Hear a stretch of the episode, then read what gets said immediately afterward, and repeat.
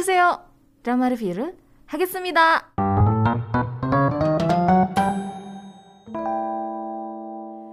Dramanya tuh ya, kalau misalnya dilihat dari teaser atau dilihat dari poster, colorful banget ya. Warna-warnanya tuh cheerful banget gitu.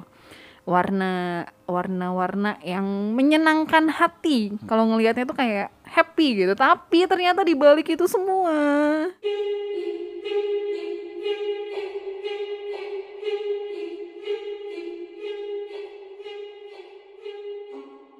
Oke langsung aja dramanya berjudul Squid Game.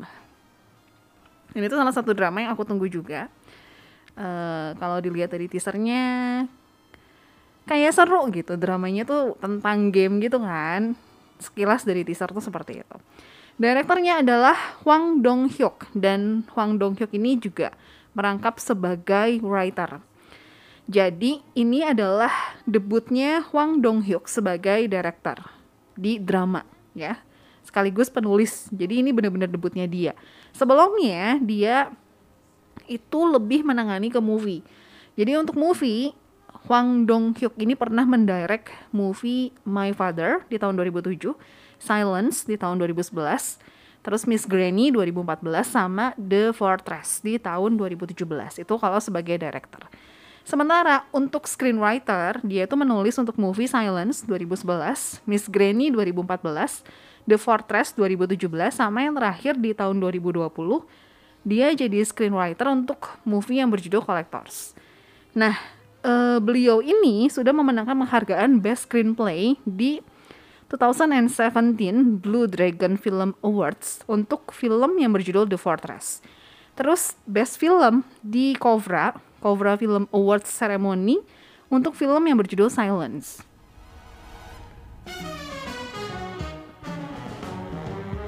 Nah, kalau misalnya untuk movie-movie-nya, aku pribadi belum pernah nontonin sih gitu. Cuma kalau misalnya lihat dari dramanya, drama yang dia uh, tulis dan juga direct gitu, kayak wow. Ide ceritanya tuh um, bagus gitu. Oke, okay, networknya tuh di Netflix ya.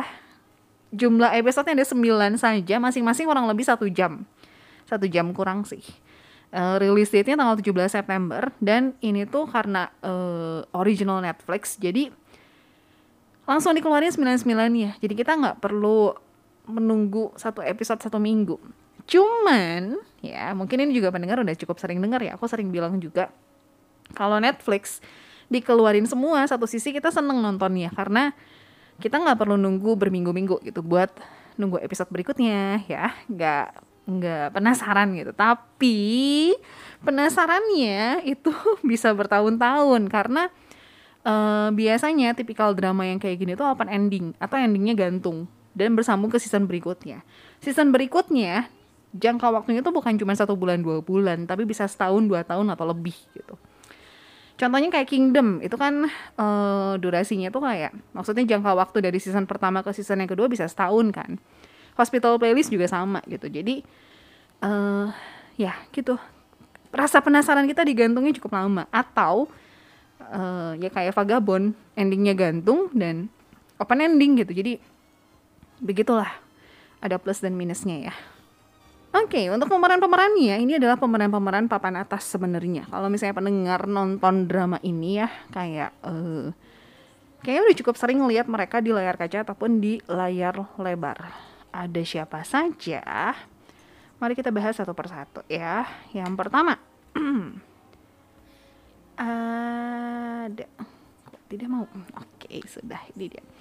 Ada Lee Jung Jae Lee Jung Jae di sini tuh berperan sebagai Song Gi Hun.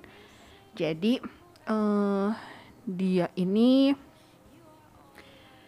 seorang ayah yang harus berjuang tapi dia terlilit hutang hutang uh, yang cukup besar lah gitu. Lee Jung Jae ini sudah cukup sering main di drama ataupun di movie ya untuk movie uh, dia tahun 2020 main di movie Deliver Us From Evil. Terus 2021 sebenarnya dia ada movie juga judulnya Hunt, tapi masih belum uh, ada kejelasan kapan tayangnya. Jadi cuma ditulis rilis date-nya 2021, tapi sampai sekarang kayaknya belum belum rilis deh. Terus uh, Trade Your Love tahun 2019 tapi dia cuma sebagai cameo doang. Uh, kalau misalnya pendengar nonton Along with the Gods ya, yang The Last 49 Days sama yang pertama itu The Two Words. Nah, itu ada dia. Dia tuh berperan sebagai salah satu dewa lah gitu. Uh, eh, dewa atau bukan bukan bukan. Dia jadi King Yomra, God of Death ya. Ini uh, Along with the Gods juga salah satu movie yang wajib banget ditonton karena memang seru banget. Ya, jadi silakan ditonton. Terus untuk movie, ya untuk movie tadi udah ya. Uh, untuk drama dia main di Shift of Staff season 1 sama season 2. Ini ada Shimin Ah-nya. Terus uh, Triple, RCT, Snail, Love is Blue dan lain-lain. Untuk drama-drama dia, kayaknya aku juga jarang nontonin sih. Cuman kayaknya karena dia muncul di Along with the God itu ya, jadi kayak uh, mukanya tuh nggak asing gitu. Oke, itu untuk Lee Jung Jae ya, yang berperan sebagai Song Gi Hun di drama Squid Game. Berikutnya, ini juga salah satu pemeran utamanya, namanya adalah Park Hae Soo. Aku suka banget sama uh, dia, acting dia di Prison Playbook, kayaknya juga udah sering banget aku mention ya. di drama Squid Game ini dia berperan sebagai Cho Sang Woo, uh, seorang anak kebanggaan orang tuanya karena dia berhasil masuk ke universitas yang ternama gitu yang terkenal dapetin pekerjaan yang oke. Tapi dibalik itu semua ternyata dia terlilit hutang juga gitu. Pak Hesu ini juga sudah main di drama ataupun di movie-movie ya. Untuk movie 2021 ini sebenarnya dia ada dua project. Yang pertama Phantom sama yang kedua Yacha. Uh, ini juga sama dibilangnya 2021 tapi masih belum tahu rilisnya kapan. Gitu. Terus uh, kalau misalnya pendengar nonton apa yang namanya drama spesial atau ya bisa dibilang movie juga tapi termasuk drama spesial juga dari Persona yang diperanin sama Ayu nah dia pun ada di sana gitu Pak. Keso itu jadi salah satu pemeran di sana. Kan itu kebagi jadi empat series kan? Di salah satu seriesnya tuh ada Pak Hesu yang jadi pacarnya Ayu yang mengorbankan jantung dia buat Ayu gitu. Terus dia juga ada di uh, movie by Quantum Physics A Night Life Venture. Ya, untuk drama, drama di tahun ini ini juga jadi salah satu drama yang ditunggu. Dia bakalan main di drama The House of Paper, which is ini adalah uh, remake versi Korea dari Money Heist. Ya, dia jadi Berlin. Wah, ini wajib banget ditonton. Terus dia ada di Rocket Boys, tapi cuma sebagai cameo doang. Uh, di Memories of Alhambra juga dia sebagai cameo. Prison Playbook dia jadi pemeran utama di sana dan berkesan banget. Terus The Legend of the Blue Sea, uh, dramanya Lee Min Ho, itu dia jadi polisi di sana. Jadi cukup banyak drama-drama dan movie-movie yang dia mainin ya. Berikutnya uh, pemeran dari Squid Game ada Wi Ha Jun. Wi Ha Jun ini berperan sebagai salah satu polisi yang berusaha menyelidiki uh, game ya. Dia berperan sebagai Hwang Jun Ho. Jadi dia polisi sekaligus pengen nyelidikin uh, kakaknya ke mana gitu, mencari kakaknya. Uh, Wi Ha Jun ini juga sudah main di banyak drama dan movie untuk drama 2021 ini selain Squid Game dia juga uh, main di drama Bad and Crazy Terus dia ada di 18 Again, Romance is a Bonus Book, Matrimonial Chaos, Something in the Rain, terus Goodbye Mr. Black dan lain-lain. Untuk movie di tahun ini dia ada dua project. Yang pertama Shark the Beginning. Uh, ini tuh rilis tanggal 17 Agustus eh 17 Agustus 17 Juni 2021. Terus uh, satu lagi Midnight. Midnight itu dirilis di tanggal 30 Juni 2021. Jadi sebenarnya uh, 2021 dia cukup banyak project ya. Oke, okay. nah di drama Squid Game ini juga ada dua penampilan spesial dari dua aktor senior. Yang pertama Gong Yoo, yang kedua Lee Byung Hun. Ya, jadi kalau kalian nonton di drama ini.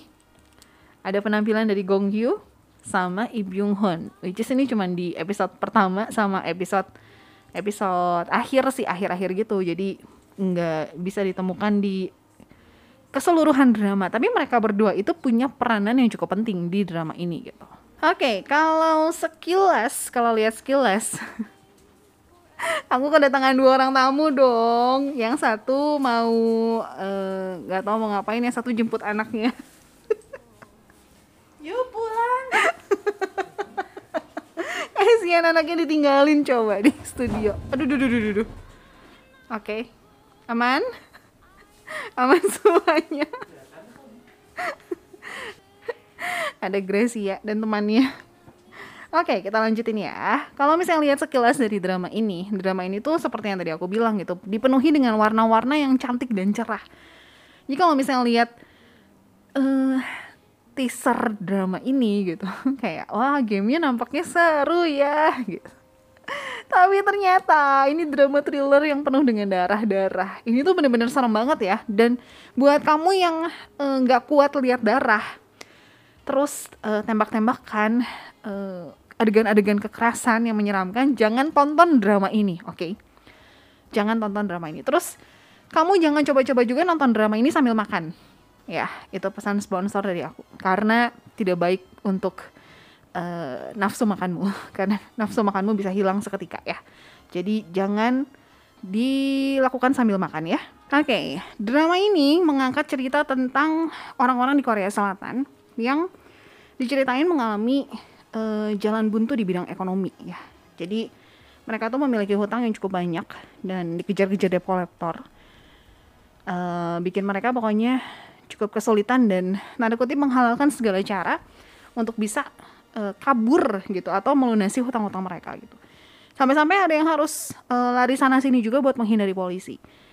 Dan ada juga yang memilih hampir mengakhiri hidupnya gitu karena hutang-hutang dan rasa malu mengecewakan keluarga. Jadi, singkat cerita, mereka ini masing-masing diajak untuk bermain game dengan iming-iming mendapatkan uang besar. Memang uangnya itu jumlahnya gede banget gitu. Ada tiga karakter utama yang tadi sempat aku mention juga. Kita bahas lagi ya, yaitu Kihun yang pertama yang terlilit hutang karena hobi berjudinya. Dia tuh hobi banget berjudi, dapat uang segimanapun dia pakai buat judi gitu. Jadi Kihun ini tinggal sama mamahnya yang sakit diabetes cukup parah. Uh, terus dia pun punya problem. Dia bercerai dengan istrinya. Ada satu orang anak yang ikut istrinya. Dan uh, dia kayak pengen ngebuktiin kalau dia ini ayah yang baik tapi dia nggak bisa lepas dari judinya itu gitu terus ada tetangganya Kihun namanya Sangwoo ini kebanggaan keluarga karena dia lulusan dari universitas ternama dan kerja di perusahaan ternama juga gitu. Tapi ternyata dia itu terlilit hutang investasi dan cukup gede juga jumlahnya. Terus ada Sebyok ini gadis yang baru uh, gadis Korea Utara yang kabur ke Korea Selatan bareng sama dedeknya.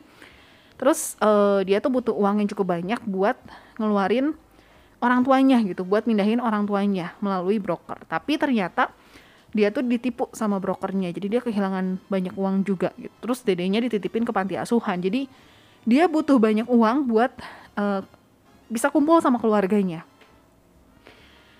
Uh, mereka bertiga ini kumpul bersama dengan ratusan orang lain ya. Jumlahnya tuh kalau misalnya di game yang pertama tuh 456 orang buat main game gitu. Dan sebelum bermain game mereka tuh harus menandatangani kontrak.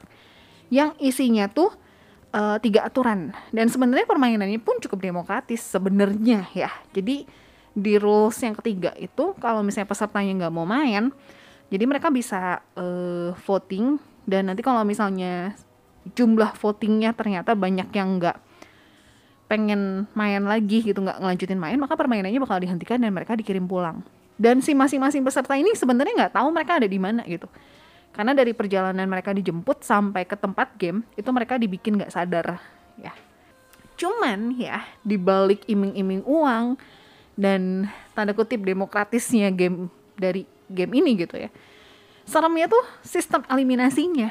Sistem eliminasi di game ini tuh adalah kematian gitu dan bener-bener tembakan yang tepat sasaran sekali gitu. Di kepala, di bagian dada yang sekali tembak tuh langsung meninggal gitu. Jadi ini tuh permainan game yang bertaruh hidup dan mati. Game yang dimainkan pun uh, kelihatannya game-game yang simple gitu, game-game anak-anak atau game-game tradisional Korea. Kayak contohnya main lampu merah, lampu hijau. Terus uh, dalgonal, nggak bentuk dalgonal nggak boleh potong. Tarik tambang, main kelereng uh, ya pokoknya permainan-permainan tradisional Korea lah yang biasanya dimainin sama anak-anak di game ini sebenarnya eh di game ini lagi di drama ini eh aku ngerasa di balik kesereman di balik thrillernya drama ini sebenarnya ada poin-poin yang bisa kita ambil gitu. Misalnya kayak di scene ketika mereka lagi tarik tambang itu ada ada trik tips and trick dari si kakek bagaimana cara bermain tarik tambang. Terus aku ngelihat di game ini pun kayak kita bisa melihat sikap egois dari orang-orang karena memang bener-bener game ini tuh cuma bisa dimenangin sama satu orang yang bertahan sampai akhir dan mungkin dipicu dengan mereka kepepet butuh banyak uang juga gitu. Jadi mereka melakukan segala cara untuk bisa memenangkan game ini. Walaupun memang ada adegan yang bikin hati sedih juga ya, bikin terharu, bikin sedih gitu. Ada yang rela berkorban karena dia tahu kalau lawannya itu kalau keluar dari tempat itu punya tujuan sementara dia nggak punya tujuan gitu. Jadi akhirnya dia ngalah. Ya, campur aduk. So far aku nonton drama ini lumayan seru kalau buat aku. Cuman kalau dibandingin sama Alice Borderline ya, uh, lebih dapat thrillernya di sana sih di Alice itu gitu daripada di sini. Serem-seremnya 11-12 lah nggak gitu beda jauh. Cuman aku nonton ini tuh ada part-part di mana aku agak sedikit boring sebenarnya. Tapi balik lagi ke selera ya. Mungkin kalau buat Grace agak boring buat uh, kamu seru gitu. Jadi balik lagi ke selera. Terus uh, di drama ini kan ada lagu ini ya Fly Me to the Moon ya terus latarnya tuh boneka-boneka gitu boneka kayu e, mulutnya kebuka ketutup gitu jadi agak serem coba dicari di YouTube MV-nya makanya aku bilang ketika aku denger lagu ini sesudah dan sebelum nonton drama itu beda banget karena sesudah nonton jadi berasa seremnya berasa horornya gitu Oke, itu dia dramanya tersedia di Netflix. Jadi buat kamu yang pengen nonton drama ini, uh, pengen coba satu drama yang seru penuh dengan tantangan, boleh nonton drama ini. Tapi kalau misalnya kamu nggak kuat lihat darah, terus kamu nggak kuat lihat adegan-adegan kekerasan, karena benar-benar dipenuhi dengan adegan kekerasan ya. Uh, dan kayak ditembak-tembak gitu, ditusuk pakai pisau, ditusuk gitu, benar-benar dikasih lihat. Uh, jadi siapin hati dan mental untuk nonton drama ini, terus uh, jangan nonton drama ini sambil makan. ini benar-benar harus diingat ya. Jangan sambil makan. Karena uh, kamu bisa jadi kehilangan selera makan ketika kamu nonton drama ini